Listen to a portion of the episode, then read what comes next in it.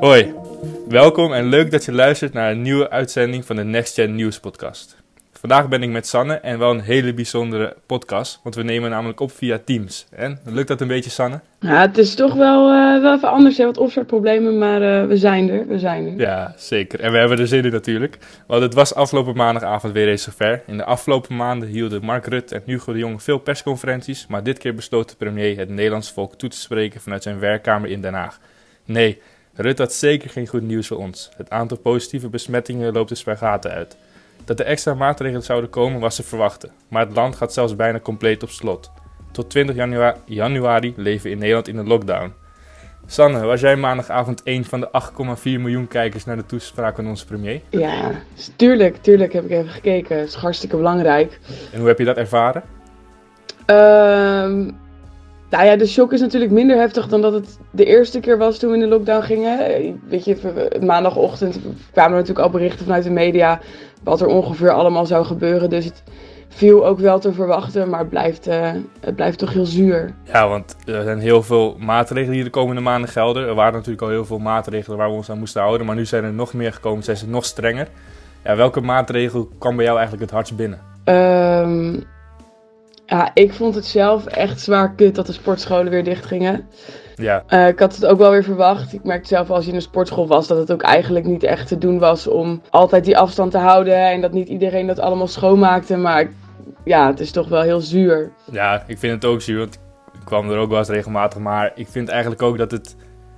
Ja, het moest wel gebeuren. Want volgens mij tijdens de. Na de eerste uh, lockdown, toen de sportscholen weer open gingen op 1 juli, was dat, zei Rutte al van ja, als het weer de verkeerde kant op gaat, dan zijn de sportscholen een van de eerste sectoren die weer gaan sluiten. Maar dat is uiteindelijk niet gebeurd. En tot blijdschap van ons en velen natuurlijk. Maar het ik denk inderdaad dat we al lang blij mochten zijn dat het gewoon, dat het, dat het de afgelopen tijd wel open was. Nou, het is nou vijf weken dat je eventjes, uh, weet ik het, thuis wat creatiever moet zijn met sporten. Nou ja, dat uh, overleef je ook wel weer, denk ik. Ja, precies. De afgelopen lockdown was het drie maanden volgens mij dat de sportscholen dicht waren, dus dan is een maandje niks. Maar goed, het zijn natuurlijk niet alleen de sportscholen, ook alle niet-essentiële winkels sloten dinsdagnacht al hun deuren.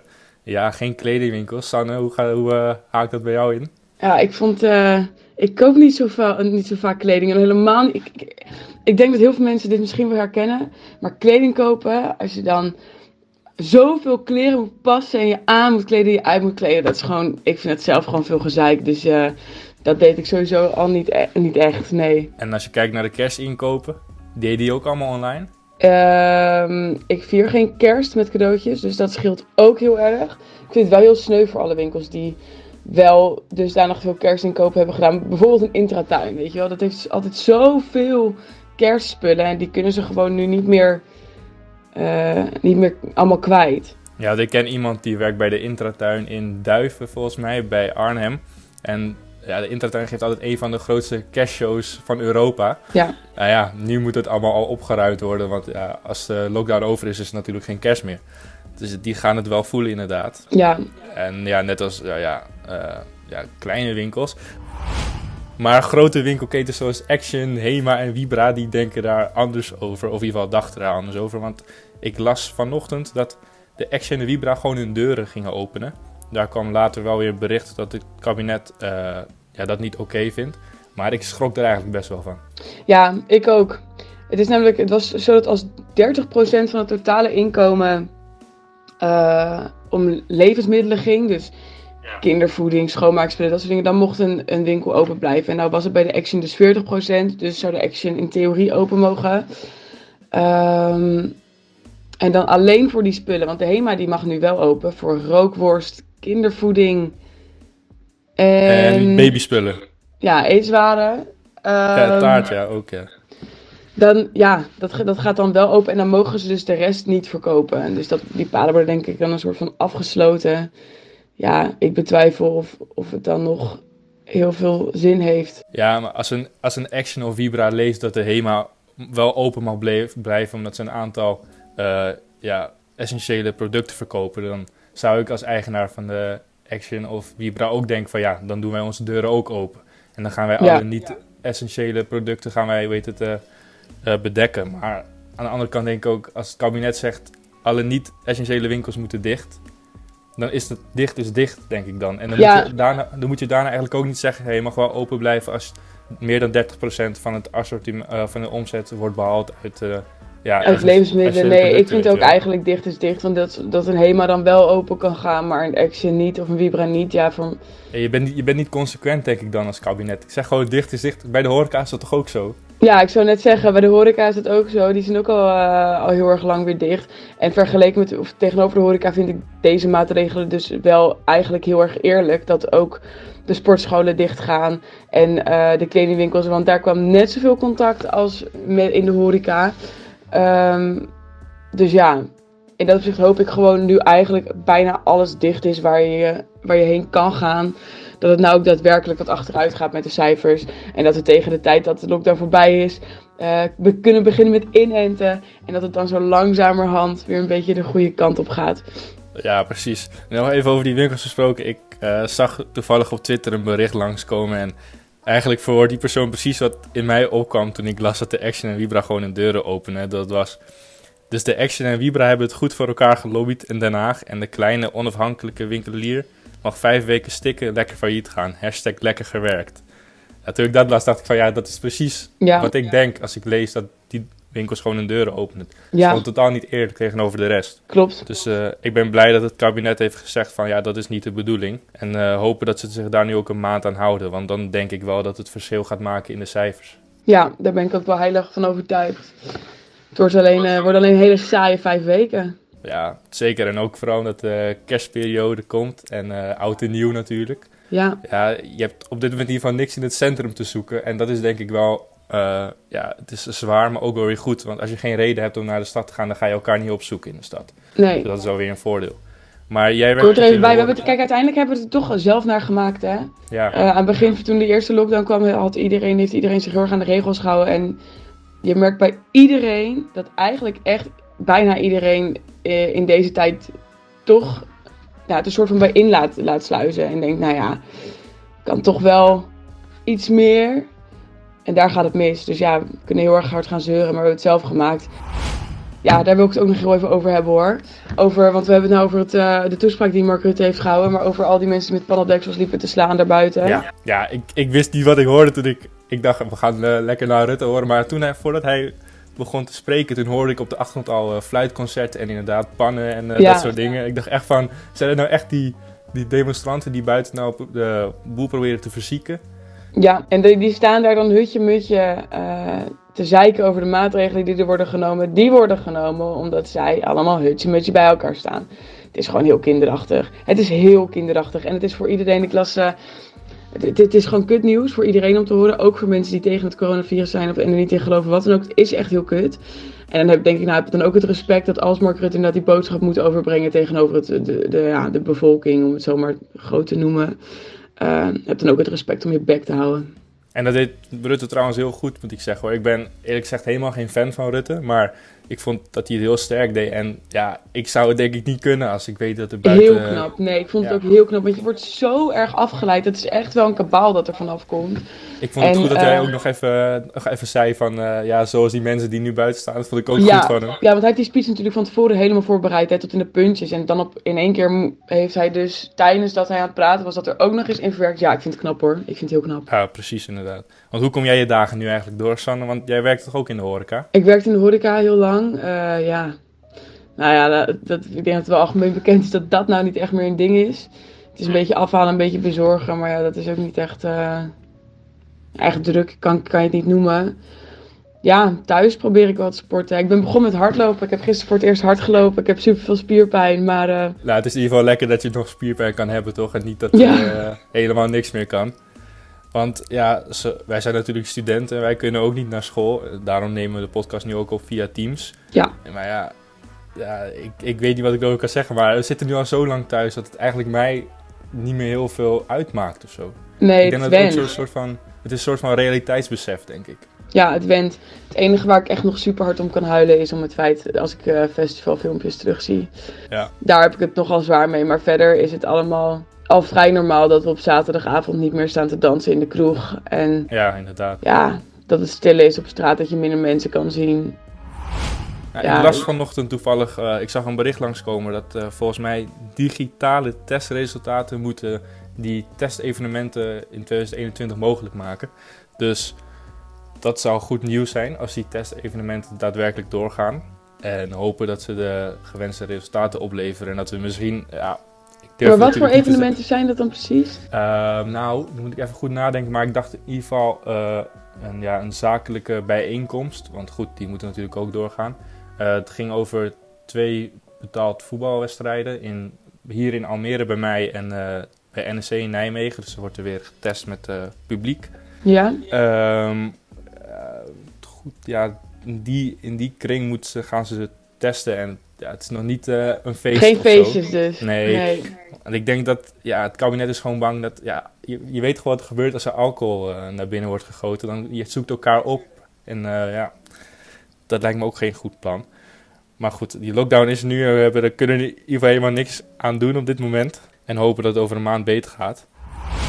Uh, ja, je begon er net al over, over die demonstranten natuurlijk uh, bij het torentje van Rutte. Maar ik las dat in Vlissingen uh, werd er ja, ik moet erom lachen, maar het is natuurlijk niet om te lachen. Werd er vuurwerk naar het gemeentehuis gegooid, omdat mensen niet eens waren met de maatregelen. Ja, is dat, is dat het gevolg van angst of wanhoop? Wat is het dat mensen dat doen? Uh, ik denk, kijk, op, op sociale media wordt natuurlijk heel veel gezegd. En ook bijvoorbeeld het Forum van Democratie, die echt er heel erg hard voor staat dat die maatregelen uh, te zwaar zijn en uh, niet in proportie. En ik snap wel als je daar achter staat um, en heilig daarvan overtuigd bent. Want iedereen heeft in deze situatie zijn eigen mening en niemand weet wat, wat goed is en wat niet goed is. Um, dat je daar dan soort van tegen ingaat. Alleen dat vuurwerk gooien en echt dat, dat demonstreren. Ja, uiteindelijk, ja, ik geloof niet dat dat zin heeft. Ik geloof echt dat het, dat het een onbegonnen zaak is, want dit is gewoon wat het is. En waar we allemaal gewoon, ja, mee moeten leren leven. Um, voor nu. Volgens mij schiet je er ook niks mee op. Nee. Dus kan je wel heel erg gaan lopen doen en een beetje onrust gaan lopen zaaien. Maar op lange, ja, of het nou echt zin heeft, denk ik niet. Ja, we hadden het in de, uh, laatst in de podcast ook over de rellen op Urk. En ik las gisteravond een bericht, dat, dat was dinsdagavond waar ik het over heb, dat uh, jongeren op Urk de stekkers van een mobiele testlocatie volgens mij eruit hadden getrokken. En met vuurwerk naar de medewerkers hadden gegooid. Van de coronatesten? Ja. Zwaar triest, zwaar triest. Ja, dat vind ik echt zwaar triest. Ja, als ik dat soort berichten lees, dan word ik ook gewoon, ja, kwaad. Prima als je het ergens niet mee eens bent, maar we moeten elkaar wel in, de, in, de, in elkaars waarde laten. En als, als iemand, ja, dat vind ik echt, ja, sorry. En ik begreep dat het niet eens, uh, ja, medewerkers van de GGD of wat dan ook waren. Dus die, die denken van, ja, dit ga ik ook niet meer doen. Nee. Daar sluipt de angst nu ook wel in als ze met vuurwerk naar en, het is, en laten we eerlijk zijn, het is natuurlijk hartstikke knap de mensen die dat allemaal testen. Hè? Die nemen zelf natuurlijk ook hartstikke, hartstikke veel risico. Ja, precies. Die komen alleen maar in contact met mensen die misschien besmet zijn. En dan natuurlijk wel goed beschermd. Maar ik vind dat we er juist respect voor moeten hebben in plaats van er, vuurwerk naar te gooien. Ja, inderdaad. ik, ik, ik, begrijp ook gewoon niet hoe je, is, ja, hoe je het in je hoofd houdt om dat te doen. Maar goed, dat zal wel. Uh, ja, je had het net al over sportscholen en hoe uh, vervelend je het vindt dat die uh, dichtgaan. Daar ben ik het volledig mee eens natuurlijk. Maar gelukkig kunnen we op de televisie nog wel gewoon naar sport kijken. Doe je dat eigenlijk een beetje, Sanne, naar sport kijken of is dat niks voor jou? Nee, is niks voor mij. Ja, Cambuur, ik woon in Leeuwarden, dus als er een voetbalwedstrijdje van Cambuur is, dan kijk ik dat nog wel eens. Toen Ajax in de Champions League zat, heb ik het wel gekeken, maar ik kijk verder eigenlijk weinig naar sport hoor. Ja, oké. Nou ja, er mag in ieder geval nog wel gewoon gevoetbald worden. In ieder geval door de betaald voetbalorganisaties. Dus je kan gewoon lekker naar Cambuur blijven kijken. Die heerlijk, heerlijk. Wat een geluk. Die doet het volgens mij ook heel goed in de competitie. Dus, uh, maar voor de, ja, de, ja, de sport, de vechtliefhebbers onder ons. Um, het gevecht van Badahari gaat in ieder geval gewoon door. Um, Glory, de organisatie die uh, ja, dat soort wedstrijden organiseert, behoort tot een topsportorganisatie en valt daarom onder de uitzonderingsgevallen van het kabinet. En dit leidde natuurlijk tot grote blijdschap bij Badr Hari en zijn tegenstander, uh, lastige naam dit, Benjamin Adekbouji, als ik het goed uitspreek. Uh, ja, ik heb vorig jaar heb ik gekeken naar het duel tussen Badr Hari en Rico Verhoeven. En daar was natuurlijk altijd veel over te doen, want dat was een revanche wedstrijd, want in 2000 16 vochten ze ook tegen elkaar, maar toen was moest Badahari afhaken vanwege een blessure. En ja, er was heel veel bombardie over de afgelopen wedstrijd. En iedereen keek naar uit. En toen moest Badahari opnieuw afhaken. Had jij die wedstrijd ook gezien? Nee. Ik, wil zo, ik zou zo graag met je mee willen praten, Thijs. Maar ik, ik heb dat niet gezien. Nee, ik ben eerlijk gezegd, ik ben ook geen groot fan van die sport. Ik vind het een beetje overdreven. Ook, ja, in voetbal gaat er veel geld om, maar hoeveel geld hierin omgaat en met weddenschappen en zo denk ik ook van ja, belachelijk. Maar goed, Badhari kan in ieder geval gewoon vechten. De topsporter kreeg begin dit jaar zelf het coronavirus en daar kwam hij niet zonder kleerscheuren van af, vertelde hij in een interview met de Telegraaf. Het was een zware tijd, maar ik ben volledig hersteld. Ik voel me sterk en heb het allemaal ver achter me gelaten. Nou, dat zijn in ieder geval uh, positieve berichten van onze uh, sporter.